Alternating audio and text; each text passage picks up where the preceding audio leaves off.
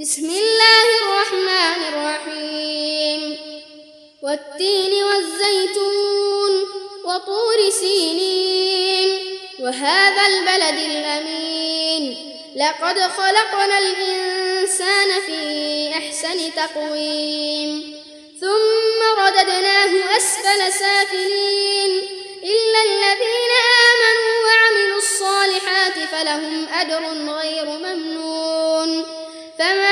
يكذبك بعد بالدين. وليس الله بأحكم الحاكمين.